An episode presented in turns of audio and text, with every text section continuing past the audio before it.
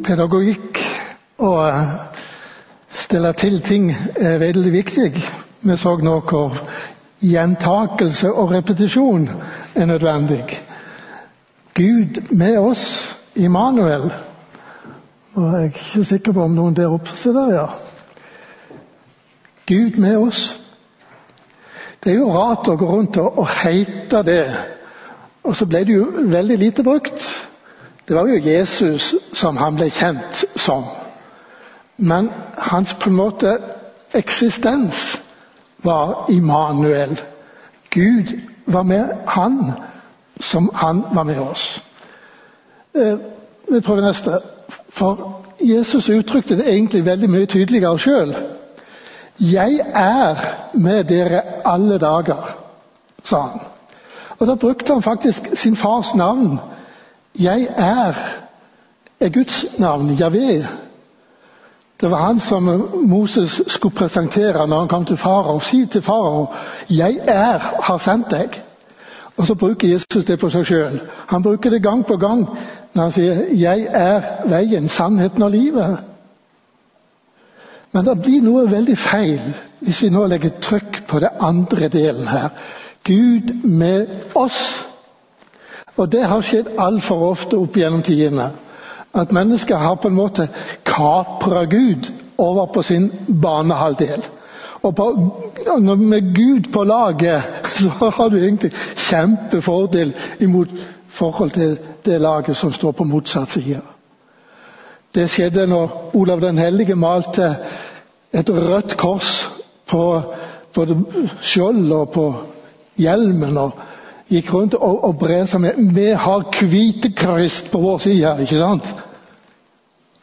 Og sånn har det skjedd helt opp til nazistene, som på beltet sitt skrev 'Godt mitt ons'. Og da kan de andre ha det så godt. Ehm, et stygt utslag er slavehandelen som på mange måter òg er akkurat noe av den samme mentaliteten. Gud er med oss. Man seilte ned til det svarte Afrika og lasta om bord så mange spreke unge afrikanere som det var råd å stue ned under dekk. Til slutt så lå de der som sardin i boks. Og så forsegla de luka og holdt gudstjeneste. Nå reiser vi over havet, og gode Gud bevarer oss, sånn at denne dyrebare lasta er intakt når den kommer fram. Og at så få som mulig dør underveis. Slik at utbyttet av denne seilasen kan bli så god som mulig i Guds navn. Da fins det en litt annen variant av denne måten å tenke på. Og en teologi som har fått navnet erstatningsteologi. I hvert fall av de som er motstandere av den tenkemåten. Der du erstatter på en måte noe med noe annet. Og Allerede på Augustins tid så, så, var det en gjennomført tenkning at jødene har ikke lenger noen plass i Guds verktøyskrin. Det redskapet er oppbrukt. Nå skal han bruke et nytt redskap den kristne kirke på jord. Og så sier altså Augustin at for på en måte å hjelpe til å bedre dette image Jødene har livets rett for, fordi de i sin fornedrelse skal være et vitnesbyrd om sin egen urett og vår egen sannhet. La dem få leve iblant oss, men la dem lide og uavbrutt bli ydmyket. Og det er en svøpe som har fulgt Den kristne kirke, dessverre, i uminnelige tider. Og vi er ikke kvitt det, dessverre. Jeg sier ikke det at verken Kirkenes verdensråd eller Det lutherske verdensforbund eller de store verdensomfattende kirkene har et sånt syn i dag. Nei, men det har vist en veldig lunken holdning til det jødiske folk når det gjelder å Gi de evangeliet. De behøver det ikke. De trenger det ikke. De, de er ikke mottagelige for det. De skal bli frelst når Immanuel kommer igjen. Ja vel, stakkars de som lever i dag, og som har levd nå i 2000 år under en sånn tenkning.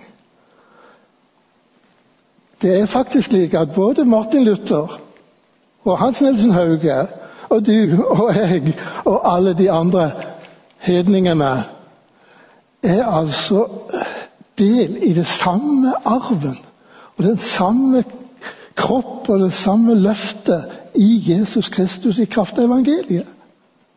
Vi har del i noe som en gang var for deg, og som de ikke skjønte hvordan de skulle forholde seg til, men de tok vare på det, og de tok vare på Skriftene, de tok vare på Bibelen. Men de skjønte ikke at Immanuel var han som kom og var født i Betlehem og vokste opp i Nasret.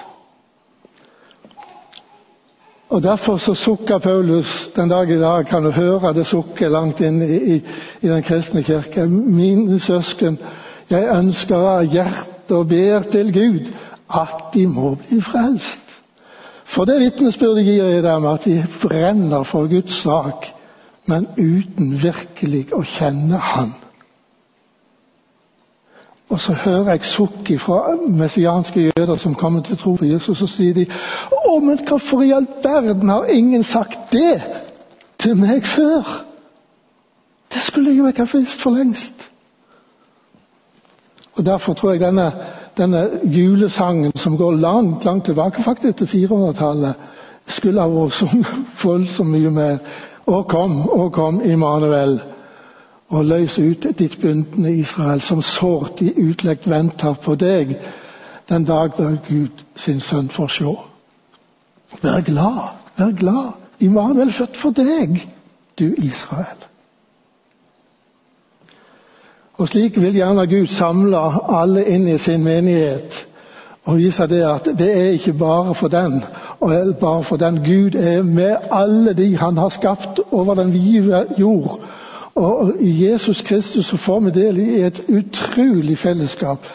For hvis du nå hører hva Paulus sier For han kom og forkynte det gode budskapet om fred både for dere som var langt borte, og da snakker han om hedningefolkene, og dere som var nær.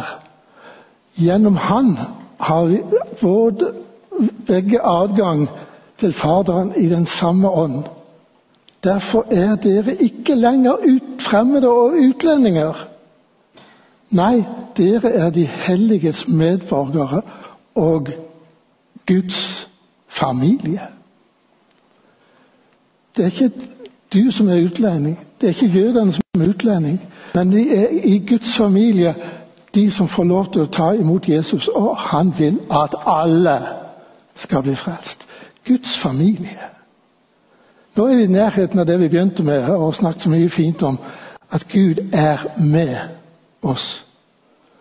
Immanuel.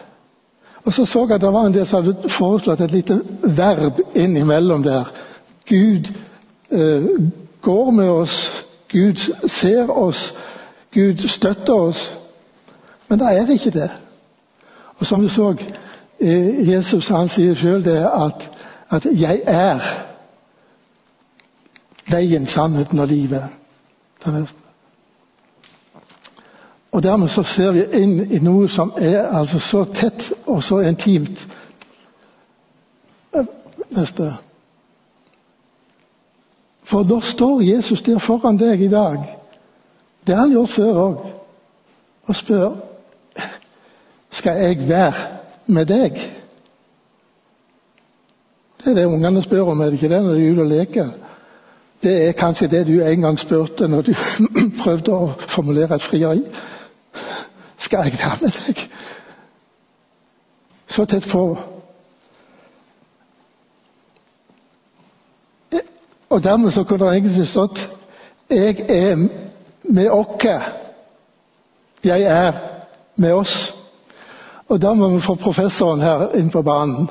Fordi han, han, han kan få mange ting til å komme klarere i lyset. 'Hei, kommer du snart? Er du klar? Skal vi gå?' Nei. Eh, ja, men vi var, jo, vi var jo enige om at vi skulle gå på tur i dag. Ja, men jeg har ombestemt dere. Da er de blitt ett. Da er ikke første person eller andre person eller flertall eller entall. De er ett. Og du kjenner litt på det der. Gud vil være så tett på deg at han snakker om her. Den herlighet du har gitt meg, har jeg gitt dem, for at de skal være ett, slik vi er ett. Jeg i dem og du i meg, så de helt og fullt kan være ett. Og da passer det enten å synge eller i hvert fall sitere dette juleverset som en bønn. La oss be. Takk. Kom, jeg vil opp Jeg vil lukke mitt hjerte og mitt sinn, og full av lengsel sukke, kom Jesus dog her inn. Det er ei fremmed bolig, du har den jo selv kjøpt.